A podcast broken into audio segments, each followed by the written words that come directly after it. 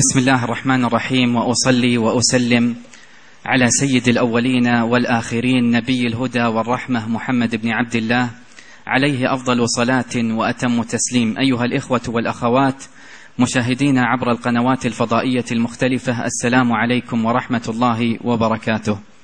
تحت رعاية كريمة من سمو الشيخ أحمد بن محمد بن راشد آل مكتوم يعقد الملتقى الرمضاني العاشر تحت شعار إيمان وأمان. أيها الإخوة والأخوات في ليلة ختامية نلقاكم وبعين اغرورقت بالدمع نودعكم. أقول وداعا أم أقول سنلتقي؟ هنا بعد عام ساطع النور مشرق. هنا نلتقي إن شاء رب الورى غدا.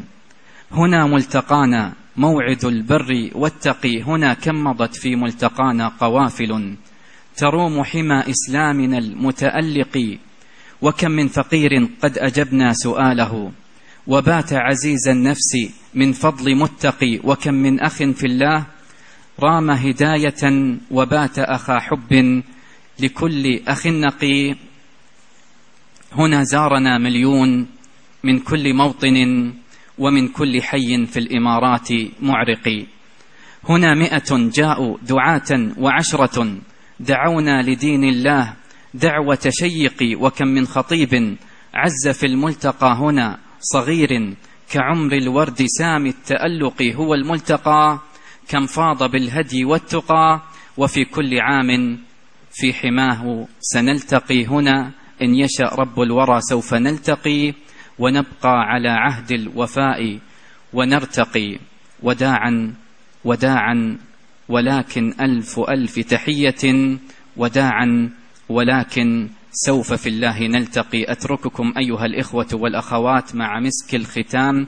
فضيلة الشيخ الدكتور محمد العريفي وحديث جميل رائع بعنوان إن أبي يدعوك فمع المحاضرة ومع المحاضر نعيش أروع اللحظات. جزاك الله خير. السلام عليكم ورحمة الله وبركاته.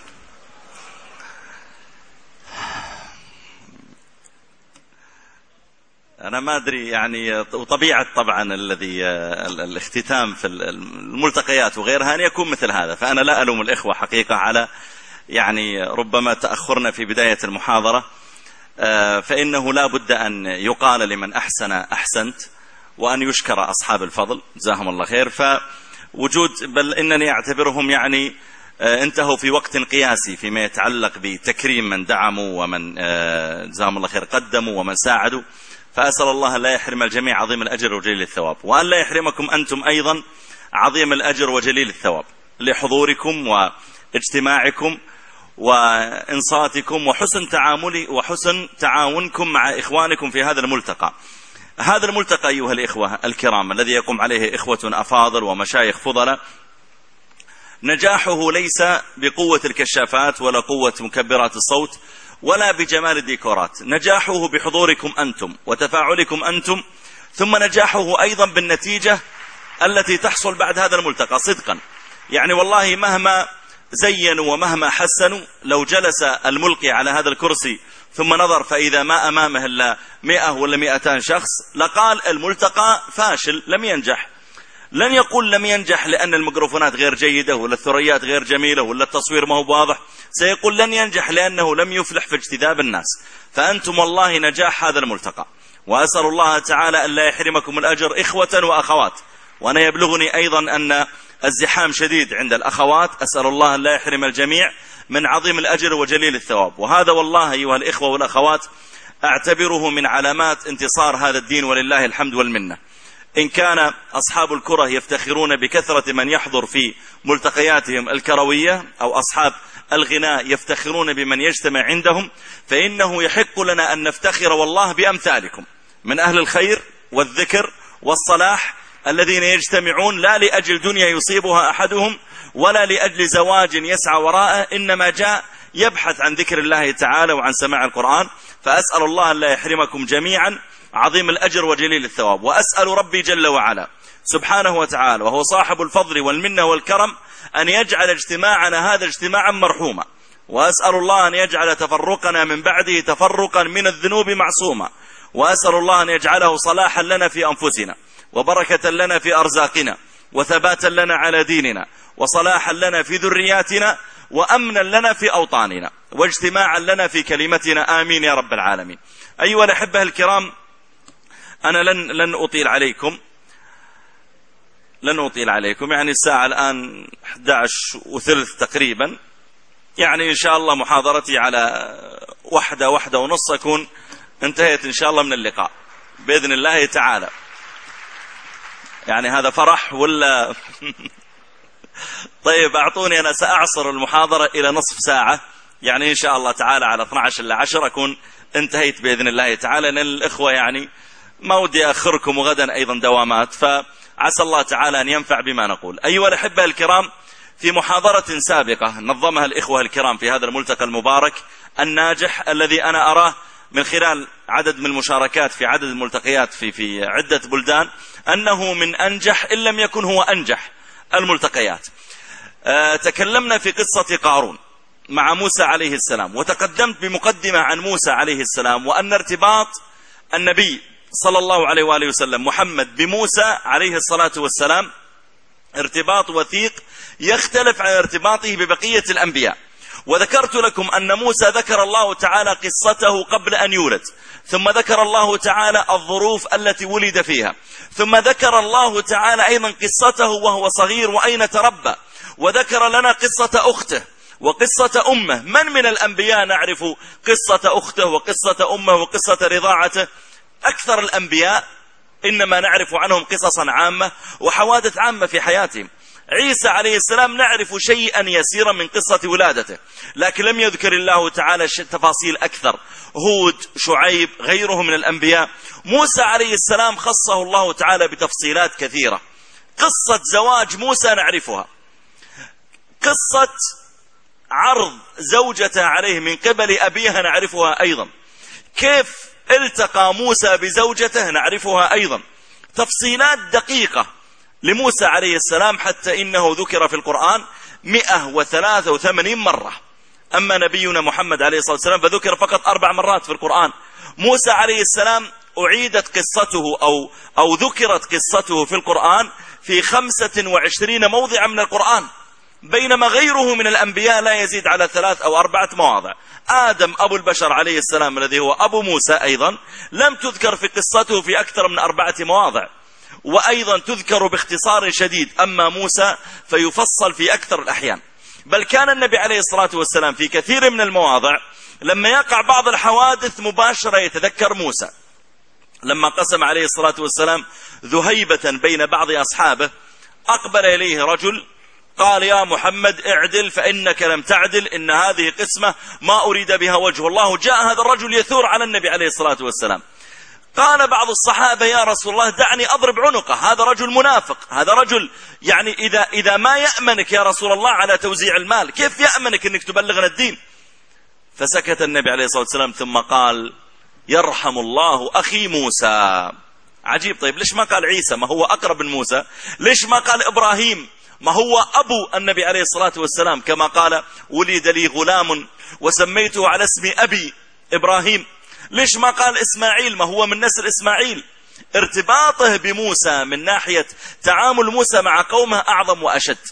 قال عليه الصلاة والسلام يرحم الله أخي موسى. لقد أوذي بأعظم من ذلك فصبر. موسى عليه السلام أيها الأفاضل ليحق لنا أن نتكلم عنه وله حق علينا. وذلك أن موسى له فضل على أمتنا لا ننساه إلى يوم القيامة. لما عرج بالنبي عليه الصلاة والسلام إلى السماء جعل يمر بالأنبياء في كل سماء يمر بالأنبياء. مر بعيسى وبيحيى فقال له جبريل هؤلاء ابناء الخالة عيسى ويحيى. فقال السلام عليكما. فقال وعليك السلام من؟ قال جبريل هذا محمد. قال أو قد أوحي إليه؟ هم يدرون أنه بيرسل لأن كل نبي بشر بمحمد عليه الصلاة والسلام. النبي صلى الله عليه وسلم يقول ما من نبي بعث, بعد بعث قبلي إلا أخذ العهد والميثاق على أمته. أن إن بعث محمد أن يؤمنوا به. فكل الأنبياء تكلموا عن النبي محمد صلى الله عليه وسلم مع أقوامهم. فيعرفونه. فقال عيسى ويحيى قال أو قد أوحي إليه؟ قال جبريل نعم. فقال مرحبا بالنبي الصالح والأخ الصالح. مر بعد ذلك بهارون في السماء الرابعة. سأل قيل سلم عليه قال السلام عليك يا هارون. قال من؟ قالوا محمد. قال وقد أوحي إليه قالوا نعم. قال مرحبا بالنبي الصالح والأخ الصالح. حتى مر في السماء السادسة بموسى عليه السلام. فلما مر بموسى قيل له عليه الصلاة والسلام سلم على موسى. فقال السلام عليك. فقال موسى من؟ قالوا هذا محمد. قال أو قد أوحي إليه يعني بعث خلاص. قالوا نعم. قال مرحبا بالنبي الصالح والأخ الصالح. ثم مضى النبي صلى الله عليه وسلم متجاوزا موسى فبكى موسى. قيل له ما يبكيك؟ قال أبكي لأن غلاما بعث بعدي يدخل الجنة من أمته أكثر مما يدخلها من أمتي. طبعا موسى عليه السلام يعبر بكلمة غلام دلالة على صغر سن النبي عليه الصلاة والسلام بالمقارنة مع أعمارهم التي كانوا يعيشونها. فإن أحدهم كان يعيش ألف سنة وألفي سنة وثلاثة ألاف سنة. يقول الله سبحانه وتعالى عن نوح عليه السلام فلبث فيهم ألف سنة إلا خمسين عاما. يعني أيها الأفاضل نوح عليه السلام فقط فترة الدعوة ألف سنة إلا خمسين عاما. لك أن تتوقع كم عاش قبلها وكم عاش بعدها.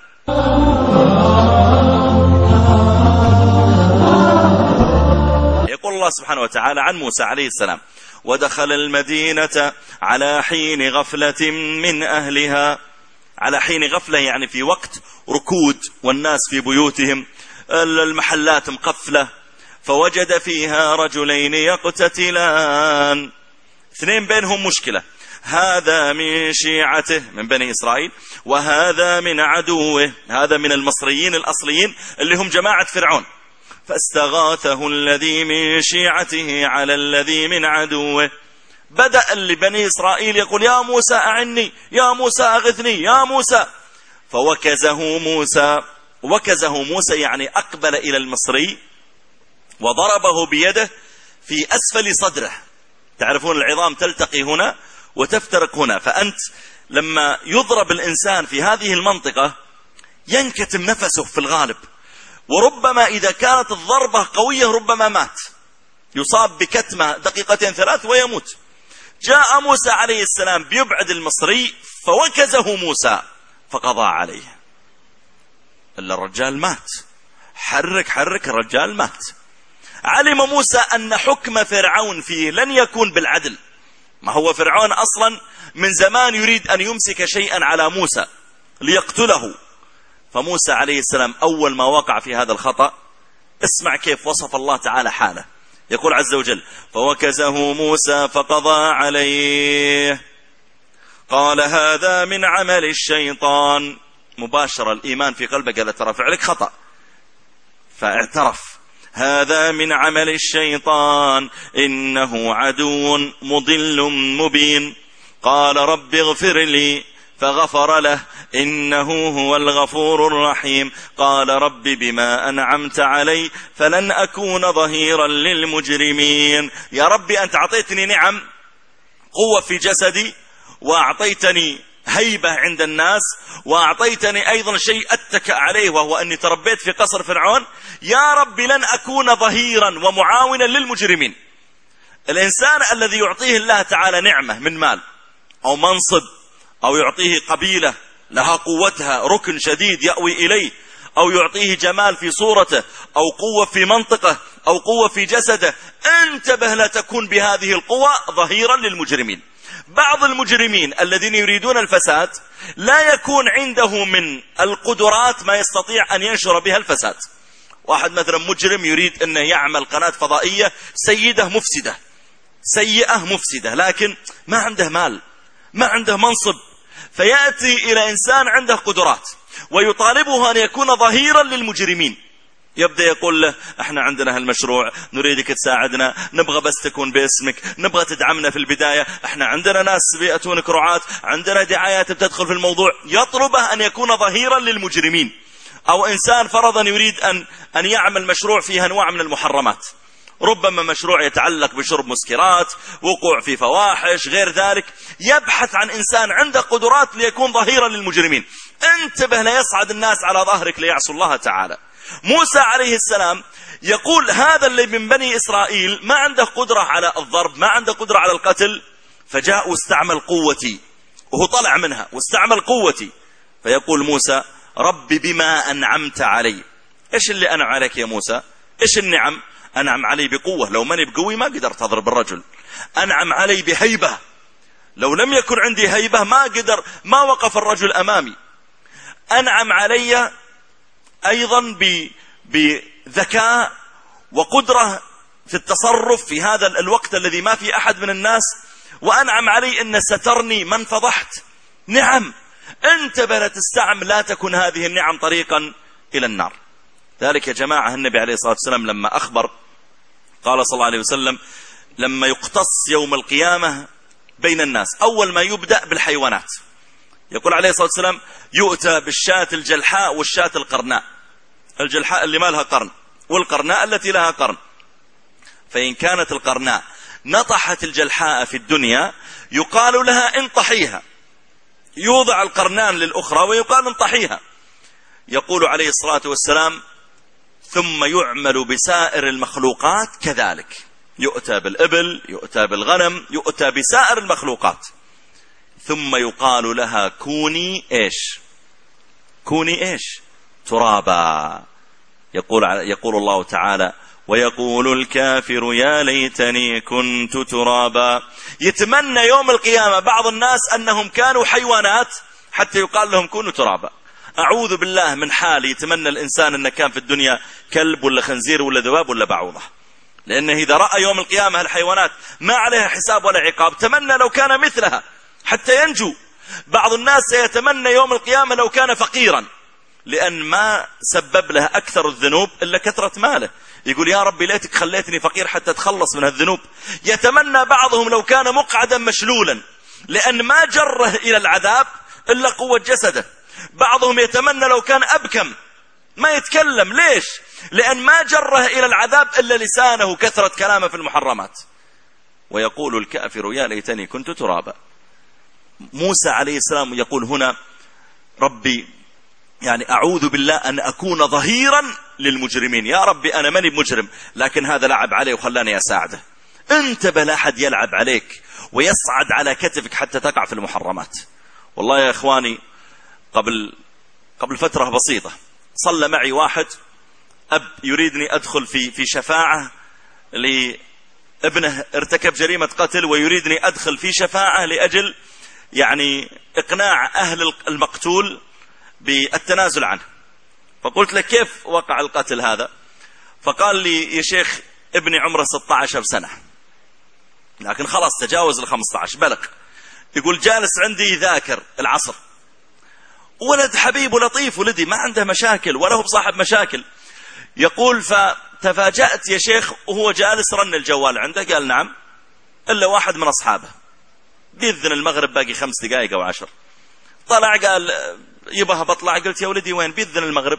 قال والله فلان يبغاني. اجلس بتشوفها صلاة المغرب. قال لا لا يبغاني شوي بس. راح عند صاحبه فقال له صاحبه إني أنا قبل شوي تهاوشت مع فلان في الحارة صار بيننا خصومة وهوشة وإنه ضربني وأخذ جوالي. تعال معي افزع معي أخذ جوالي منه. ويجي ويركب معاه في السيارة. أبو 16 ويروحون ويقابلون هذاك عند بقالة. و وبينهم وبينه وجيب الجوال ماني معطيكم الجوال؟ الا أحسن لك جيب الجوال ما أدري دفهم. أبو 16 هذا متحمس. وبدأ يتضارب مع هذاك. وهذاك أكبر منه. فانطلق صاحب القضية الأصلية إلى السيارة وفتح الدرج وطلع سكين. وجاها وعطاها الولد هذا. قال له خذ. طيب ليش ما أنت؟ إذا فيها طعن أطعن أنت ليش تعطيها الولد؟ أخذها أبو 16 و ومع المضاربة طعن ذلك الشاب ووقعت الطعنة سبحان الله في في فخذه ويبدو أنها وقعت على عرق يعني عرق قاتل. وعشر دقائق على ما ودوه المستشفى مات. وحكموا عليه بالقصاص القتل وذهبت والله بنفسي إلى أهل القتيل. وصلنا معهم إلى 13 مليون حتى يتنازلون. وما نبغى وبنسأل وما أدري إيش بنسوي. ولقيت محاضرة في السجن قبل رمضان يمكن بأسبوعين ثلاثة وأشوف الشاب القاتل. عمره الآن 19 صار له ثلاث سنوات. حفظ القرآن وحفظ الصحيحين. فكنت أقول في نفسي سبحان الله انظر كيف لما صار ظهيرا للمجرمين كيف رموه الآن في مكانه. وذاك الشاب اللي شاله بالسيارة وداه حتى يقتل بسيجارته الآن في الحارة ولا ولا هم خله في السجن. وش أنا خسران شيء. طلع منها يعني سجن فترة بسيطة لأنه ما قتل. سجن فترة بسيطة وطلع. أنت بلا تكون ظهيرا للمجرمين. ظهيرا للمجرمين. يصعدون على ظهرك. موسى عليه السلام لما اكتشف أن هذا استغاث به وجعلني أرتكب هذا الخطأ قال ربي بما أنعمت علي. أعطيتني نعمة قوة يا رب لا تجعلني ظهيرا بها للمجرمين. أعطيتني نعمة عقل يا رب لا تجعلني ظهيرا للمجرمين. أنت بلا يجيك واحد يقول لك أنت عندك خبرة في الإنترنت أبيك تهكر لي إيميل هالبنت وتبتزها وتطلع الصور اللي فيه.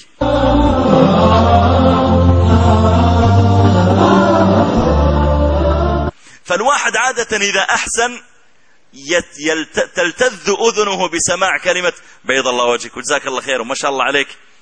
فموسى عليه السلام لم ينتظر هذا منهما لأن فعلها لله ما فعلها لها. يقول الله فسقى لهما ثم هو اللي ما عنده أهل وجايع وعطشان ويحتاج إلى مذقة لبن من الغنم اللي معهم لكنه ما جاء إليهما. ثم تولى إلى الظل فقال ربي إني لما أنزلت إلي من خير فقير. يا ربي أنا أبغى الشكر منك. ما هم من هؤلاء.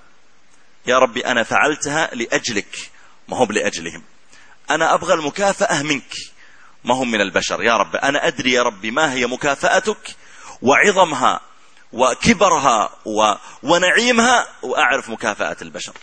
يا ربي أبغى المكافأة منك. ما هي منهم فإذا مكافأة من الله تعالى تأتي أعظم وأعظم. رجعت المرأتان إلى أبيهما فتحدثتا. يبا اليوم إحنا صار شيء غريب. إيش اللي حصل؟ والله جاء رجل وفعل وص... إيش هالرجل هذا؟ والله يا أبوي هذا رجل قوي ولطيف ما ما طول الكلام معنا وجاء وشال الحجر اللي يغطي البئر بنفسه وهذا ما يشيله إلا أربعة من الرعاة دائما. وجاء ورعى الغنم ويطلع الدلو كامل لوحده ويلقي وسقى الغنم في دقائق. فشوقتا أباهما ليلتقي بهالرجل الرجل النبيل. الحسن الخلق العفيف اللي خدم البنات من غير ما يتعرض لهن. فأرسل إحداهما لتحضر موسى والثانية تعتني بشأن الغنم والبيت. فبينما موسى عليه السلام تحت تلك الشجرة قال الله تعالى فجاءته إحداهما تمشي على إيش؟ استحياء يقول ابن عباس لم تكن خراجة ولاجة. ما هي بحرمة كل يوم طالعة وداخلة ومتعودة على اختلاط ورجال وسواليف وتسمع ضحكة من من آخر المكتب. لا لا لا. امرأة عفيفة صوتها منخفض. حتى وإن تكلمت مع رجل أجنبي لكنها تتكلم بضوابط يغلبها الحياء. تدري أنها لما تتكلم معاه تتكلم معاه بقدر الحاجة. ما هو سواليف واليوم شكلك ما أفطرت تبغى أسوي لك شاهي معي وتبغى لا لا ما هي براية سواليف. حتى لو اشتغلت في مكان مختلط امرأة عفيفة. لا يمكن تتصل بهم بالتلفون بزملائها إلا لحاجة تتعلق بالعمل وإن كان في رسائل فهو أحسن. لا يمكن أنك تسمع منها ضحكة ولا تسمع منها سواليف زايدة ولا وش أخبار اليوم أم العيال؟ العيال عشانهم نجحوا وتبدأ تدور سواليف؟ لا. السواليف تخليها مع أخوانها ومع محارمها أما مع الرجل الأجنبي لا تتكلم بقدر الحاجة. سؤال ورد جواب وانتهينا. ترى بالمناسبة نحن الرجال المرأة التي تتعامل معنا بانضباط وحياء هي أكبر في أعيننا. من المرأة التي تتبذل. المرأة اللي تتكلم معاك بجدية وسؤال ورد جواب وانتهينا. أكبر في أعيننا من المرأة اللي تقلبها سوالف وتحاول إنها تطول الموضوع معاك و... واليوم شكلك تعبان أو اليوم تأخرت. ما تلاحظ اليوم زحمة شوي؟ يا أخي الرواتب يقولون بيبكرونها والله يقولون في مكافآت. بدل لا لا ما هو بواحدة تدور سوالف. جاءت إحداهما يقول الله تمشي على استحياء. جاية وهي مستحية بس أنا مضطرة يا موسى ان, إن أبوي أرسلني ولازم نشوف وش وضعك ولازم نكافئك. جاءت تمشي على استحياء. قالت ما قالت السلام عليكم قم معي. حتى ما يقول موسى يعني غريب قم معك وين؟ على طول قالت إن أبي يدعوك. حتى ما يقول طيب هي يمكن كذا بس أبوي أبوها يدعوني تبغاني أقوم معها؟ لا. بينت السبب. إن أبي يدعوك ليجزيك أجر ما سقيت لنا. وسكتت ومشت. يقولون فكان الهواء يحرك ثوبها. فأمرها موسى أن تكون وراءه وتدله الطريق. والطريق أيضا قريب ما هم كانوا ساكنين في البر يعني. هم في مدينة ويرعون أغنامهم في مدينة أخرى. الطريق لا يتجاوز يعني مدة يسيرة. قال الله فلما جاءه جاء موسى وقابل هذا الرجل الصالح. قيل إنه شعيب. والصحيح كما سمعت من شيخنا العلامة الشيخ بن باز رحمه الله كنا نقرأ عليه في المسجد. سبحان الله التفسير تفسير هذه السورة.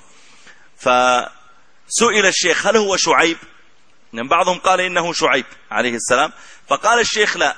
إن الذي ينظر في التاريخ يعلم أنه ليس شعيب.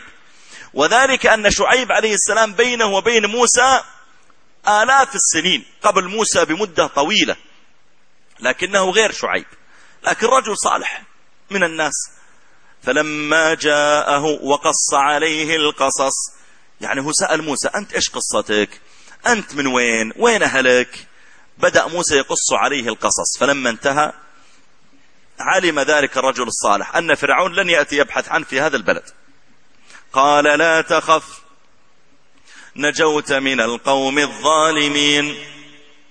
قالت إحداهما يا أبت استأجره وهذا الاقتراح من الفتاة يدلك إن هذا الأب كان لطيف التعامل مع بناته.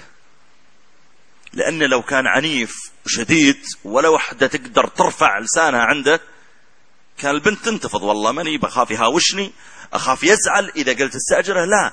يا أخي خل تعاملك مع بناتك تعاملك مع زوجتك تعاملك مع أخواتك تعاملا لطيفا. احترم آراءهن. إذا قالت رأي حتى لو أنه رأي غير جيد لا تبدأ تسفل وتتكلم عليه. أنت أصلا ما تعرفين تفكرين. هذا رأي والله لو لو البزران الصغار ما, ما يقولون لا لا. لا تهنها ولا تقفل أمامها الأبواب. حتى لو كان الرأي غير جيد. أثني عليها وعلى رأيها وإن لم تأخذ به. حتى ما تقتل في نفسها الجرأة والاقتراح. النبي عليه الصلاة والسلام لما كتب صلح الحديبية وجاء إلى أصحابه ما هم محرمين. أحرموا قالوا لبيك اللهم عمره ولا استطاعوا يعتمروا. والحل في من هو هذا حاله الله عز وجل يقول وأتموا الحج والعمرة لله. ما يصلح واحد يحرم وبعدين إذا شاف زحمة يقول والله تدري هونا يلا افسحوا حرامكم واطلعوا جدة. لا ما هو بلعب هو. أتم يجب عليك تكمل عمرتك بالدخول في النسك حتى لو كان نافلة. فإن أحصرتم فما استيسر من الهدي. إذا ما استطاع يذبح الهدي ويحلق رأسه. فالنبي عليه الصلاة والسلام لما ما استطاع يدخل مكة حاول حاول عشرين يوم قريش لا حرب حرب ما في دخول مكة. قال لأصحابه احلقوا رؤوسكم واذبحوا هديكم. فالصحابة سينفذون لكن يقولون يمكن يغير رأيه يمكن. جعل يلتفت. احلقوا رؤوسكم وانحروا هديكم. إن شاء الله. تباطوا فدخل عليه الصلاة والسلام خيمته غضبان. قالت له أم سلمة يا رسول الله ما بالك؟ ولاحظ الضغط النفسي اللي عليه لأنه كاتب صلح وكان يريد شروط معينة وقريش أبت عليه. وافق.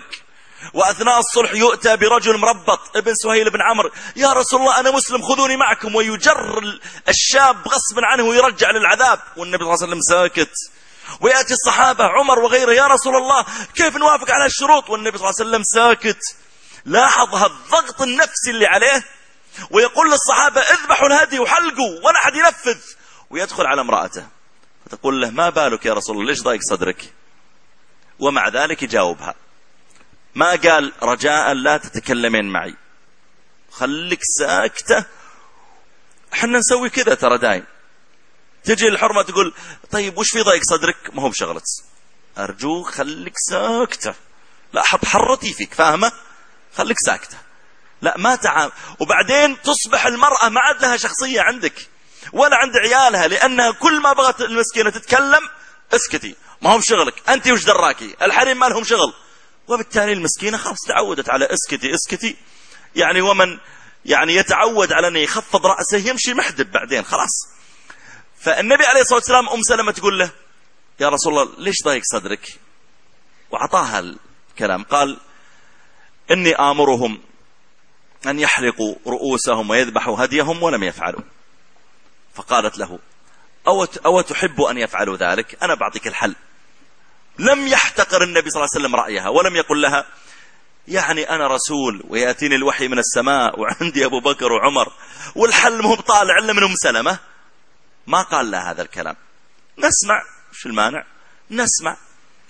قال ها قالت اخرج أنت ولا تكلم أحدا. اطلع وأنت ساكت. وادعو الحلاق ليحلق رأسك وانحر هديك. فإنهم إذا رأوك فعلت ذلك فعلوه. ويخرج النبي صلى الله عليه وسلم.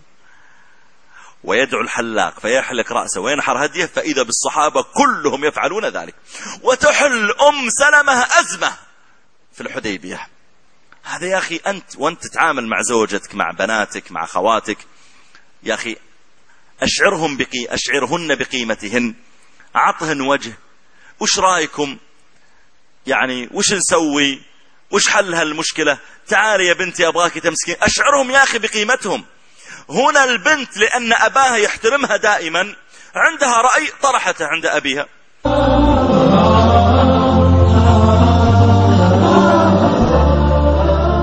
قالت إحداهما يا أبتي أنا عندك اقتراح صغير. يا أبتي ها مش عندك؟ استأجره. إن خير من استأجرت القوي الأمين. الأب صار عنده فكرة أحلى من فكرة بنته. إيش قال؟ قال إني أريد أن أنكحك إحدى ابنتي هاتين. إيش رأيك يا موسى؟ أنا عندي لك فكرة. أنت شاب وعزوبي وقوي ولا عندك زوجة. ف وعسى الله يرزقنا واحد يعطينا مثل هالفكرة حنا بعد. فإيش رأيك أزوجك؟ أنت ما يعني أنت أصلا ما تقدر ترجع مصر الآن لأنك بتقتل. فإيش رأيك؟ أزوجك. طيب والمهر؟ ما أنت ما معك فلوس ولا معك متاع. إيش المهر؟ المهر ليس مالا. أهل العلم بالمناسبة يقولون المهر ينقسم قسمين.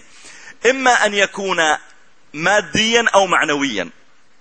مادي يجي ويدفع فلوس. معنوي المعنوي هو أن يقوم بعمل. واحد جو خطب بنتك. فقلت له طيب أنا ما عندي مانع. أزوجك إياها. لكن المهر ما نبغاك تعطينا فلوس. البنت عندها أرض ومن زمان نبغى نبني لها بيت. أنت تتكفل ببناء البيت. تتكفل بيدك تبنيه أنت تفعل كذا. فتقوم بعمل هو المهر. مثل ما النبي صلى الله عليه وسلم لما جاء جاءت إليه امرأة وهو عليه الصلاة والسلام جالس بين أصحابه. فقالت يا رسول الله أنا طولت عليكم بس إن شاء الله أربع دقائق وأختم. قال يا قالت يا رسول الله أنا أهبك نفسي. وبالمناسبة ترى يا جماعة هبة المرأة نفسها للرجل خاص فقط برسول الله صلى الله عليه وسلم. ما يجوز مرأة كذا تعجب لها بواحد وترسل له تقول أنا وهبتك نفسي. ولا تكتب له ولا تر... لا. هبة المرأة نفسها للرجل خاصة لرجل واحد وتوفي وهو رسول الله صلى الله عليه وسلم. ما يجوز أن أن يقع في لغيره. فجاءت المرأة قالت يا رسول الله أنا وهبتك نفسي. النبي صلى الله عليه وسلم ما له رغبة فيها. وكان عليه الصلاة والسلام حييا. فما أراد أنه يكسر نفسه ويقول لا. فسكت عليه الصلاة والسلام وخفض رأسه. المرأة عاقلة وفهمت. فراحت وجلست مع النساء في المسجد. قام رجل. قال يا رسول الله إن لم يكن لك بها حاجة فزوجنيها. أنا رجالا أبغى أعرس. إن كان مالك حاجة زوجنيها. المرأة سمعت ذلك وسكتت معناها موافقة. والنبي صلى الله عليه وسلم يقول الله تعالى عنه النبي أولى بالمؤمنين من أنفسهم. وأزواجه أمهاتهم. بمعنى أن عليه الصلاة والسلام هو ولي على المرأة أكثر من ولاية أبيها. لأن الله يقول أولى بالمؤمنين من أنفسهم. فهو قادر يزوجها. فقال ما عندك من صداق؟ قال آه، عندي أعطيها إزاري. يقول الراوي ولم يكن عليه رداء. من شدة الفقر ما يملك من الدنيا إلا إزار لفه على عورته بس. فيقول بعطيها إزاري مهر. قال عليه الصلاة والسلام إن أعطيتها إزارك بقيت من غير إزار. طيب تعطيها إزارك وأنت؟ وين تجيب لك وزار منه؟ ما انت أعطيتها وزارك تبقى من غير إزار. اذهب التمس ولو خاتما من حديد. لو خاتم حديد جبه بس مهر. ذهب ورجع يا رسول الله والله ولا خاتم حديد لقيت. إذا اجلس ما في زواج لازم مهر. ثم التفت النبي عليه الصلاة والسلام إليه وقال ما معك من القرآن؟ يقول الراوي ففرح. وجعل يعدهن يقول معي سورة كذا وكذا وكذا وكذا يعدهن بيده لقلتهن. ما قال معي نصف القرآن أو ربعه لا يعدهن بيده. فقال عليه الصلاة والسلام زوجتكها بما معك من القرآن. زوجتك المرأة بأنك اللي أنت حافظة من القرآن تحفظه لها. فبدل هي ما تعطيك أجرة على التحفيظ يعتبر العمل هذا هو أجرتك. هذا يا جماعة اللي قلنا مهر معنوي. أذكر ألقيت محاضرة مرة في مركز إسلامي في ألمانيا. وذكرت هذه القصة تكلمت عن القرآن وعظمة القرآن. وكان عندهم إمام مبعوث من الأزهر رجل عمره يمكن في الثمانين. ورجل أزهري شايب وجاي يصلي بهم في رمضان. يصلي بهم صلاة التراويح يعني وحافظ ما شاء الله القرآن يمكن أكثر ما هو حافظ اسمه. فجاء رجل لطيف وشايب حبيب وجيت وقبلت رأسه ويده كيف حالك يا والدنا عساك طيب أهلا يا بركة أهلا يا بركة وجلس. فبديت ألقي المحاضرة وهو المسكين صار اللي عندهم يمكن عشرين يوم ويبدو أنه مشتاق لامرأته وهو أبو ثمانين. فأثناء المحاضرة قلت وزوجه النبي صلى الله عليه وسلم لأن حافظ عدد قليل من سور القرآن ربما خمس ولا عشر سور. فقال الشايب والله أنا حافظ القرآن كله. وبسبع قراءات كمان. اختبرني إذا أنت عاوز. مسكين منقطع. فقلت الله يزوجك ويوفقك يعني. فالمقصود أن المهر إما أن يكون مالا أو أن يكون عملا. فالرجل طلب من موسى تعمل لي عمل. تعمل عندي ثمان أو عشر سنوات. قال إني أريد أن أنكحك إحدى ابنتي هاتين على أن تأجرني ثمانية حجج. ثم قال فإن أتممت عشرا فمن عندك وما أريد أن أشق عليك ستجدني إن شاء الله من, الصالح من الصالحين. قال ذلك بيني وبينك. وأفق موسى أيما الأجلين قضيت إما ثمان ولا عشر سنين. فلا عدوان علي. إن ثمان سنين لا تزعل. وإن كملت عشر سنين كثر الله خيري فلا عدوان علي. طيب من اللي يشهد؟ والله على ما نقول وكيل. وجلس موسى عشر سنوات كما في حديث ابن عباس لما سئل في البخاري. قيل يا ابن عباس كم لبث موسى عند الرجل الصالح؟ قال لبث أوفى الأجلين عشر سنين. قال الله فلما قضى موسى الأجل وسار بأهله. صار عنده زوجة وعنده عيال. أسأل الله سبحانه وتعالى أن ينفعنا وإياكم بما سمعنا. أسأل الله أن يجعلنا ممن اجتمعوا يتلون كتاب الله ويتدارسونه بينهم فنزلت عليهم السكينة وغشيتهم الرحمة وحفتهم الملائكة وذكرهم الله تعالى في من عنده. وأسأل الله تعالى أن يختم لنا شهر رمضان برضوانه والعتق من نيرانه. اللهم اجعل موعدنا بحبوحة جنانك وعمنا جميعا بفضلك وإحسانك يا رب العالمين. اللهم إنا نعوذ بك من حسد الحاسدين وكيد الكائدين وشماتة الشامتين وإفساد المفسدين يا رب العالمين. نعوذ بك يا ربي من سحر الساحرين. يا حي يا قيوم يا رب العالمين. اللهم إنا نسألك لإخواننا في كل مكان أن تكون معهم. اللهم كن مع إخواننا في الصومال. اللهم سد جوعتهم. اللهم سد جوعتهم. اللهم سد جوعتهم. اللهم اشف مرضاهم. اللهم ارحم موتاهم. اللهم أصلح حالهم. اللهم أصلح حالهم. اللهم أصلح حالهم. يا رب العالمين. اللهم سهل وصول المساعدات إليهم. يا ذا الجلال والإكرام. اللهم وإنا نسألك الخير والأمن والإيمان لإخواننا في كل مكان. لإخواننا في ليبيا. ولإخواننا في سوريا. ولإخواننا في اليمن وفي مصر وفي تونس وفي السودان وفي كل أرض من أرضك وفي العراق وفلسطين اللهم عمهم جميعا بالأمن والإيمان. اللهم عمهم جميعا بالأمن والإيمان. اللهم كن معهم يا حي يا قيوم يا رب العالمين يا ذا الجلال والإكرام. اللهم وإني أسألك لهذا البلد خاصة أن تحفظه بحفظك وأن تعيذه من الفتن ما ظهر منها وما بطن. وأن تجعله صالحا مصلحا يا رب العالمين وأن تؤلف قلوبهم على الخير والهدى. يا ذا الجلال والإكرام.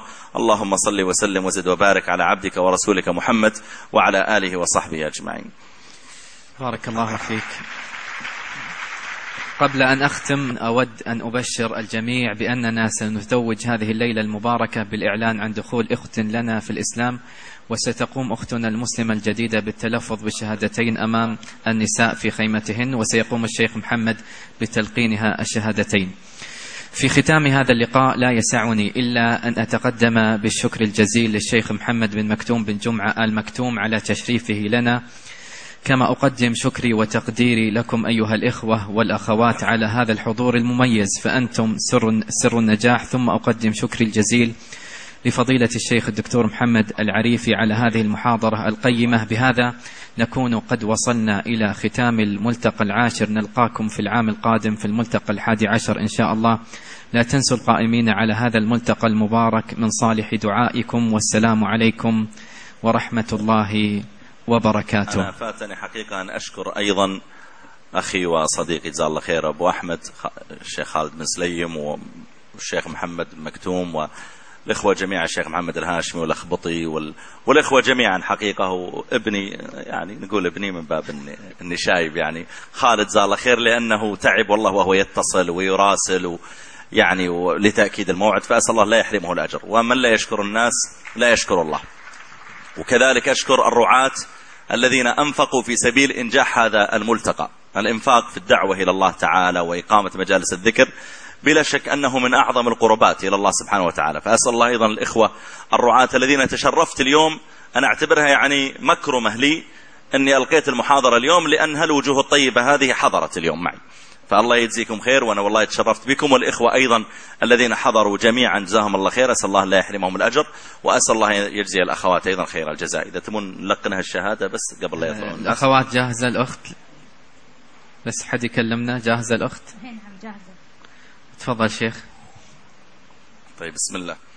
أشهد ثنتين. ثنتين. نبدأ أشهد. بالأولى شيخ. أن أن لا إله لا إله إلا إلا الله. الله. وأشهد وأشهد أن أن محمدا محمد رسول رسول الله. الله. الله أكبر. الله أكبر. الله أكبر. الله أكبر. الله أكبر. الله الله يثبتنا وإياها يا ربي. اللهم يا مقلب القلوب ثبتنا وإياها على طاعتك. بارك الله في ثانية شيخ كان في ثانية أيضا. الثانية جاهزة؟ نعم جاهزة. طيب. أشهد أشهد أن أن لا إله لا إله إلا إلا الله. الله. وأشهد وأشهد أن أن محمدا محمد رسول رسوله الله. الله. الله أكبر. الله أكبر. الله أكبر. الله أكبر. الله أكبر. الله أكبر. الله يثبتنا وياه على طاعته. الله يجزيكم خير ويحفظكم. جزاك الله. بارك الله فيكم. جزاكم الله خير. الله يحفظكم. خير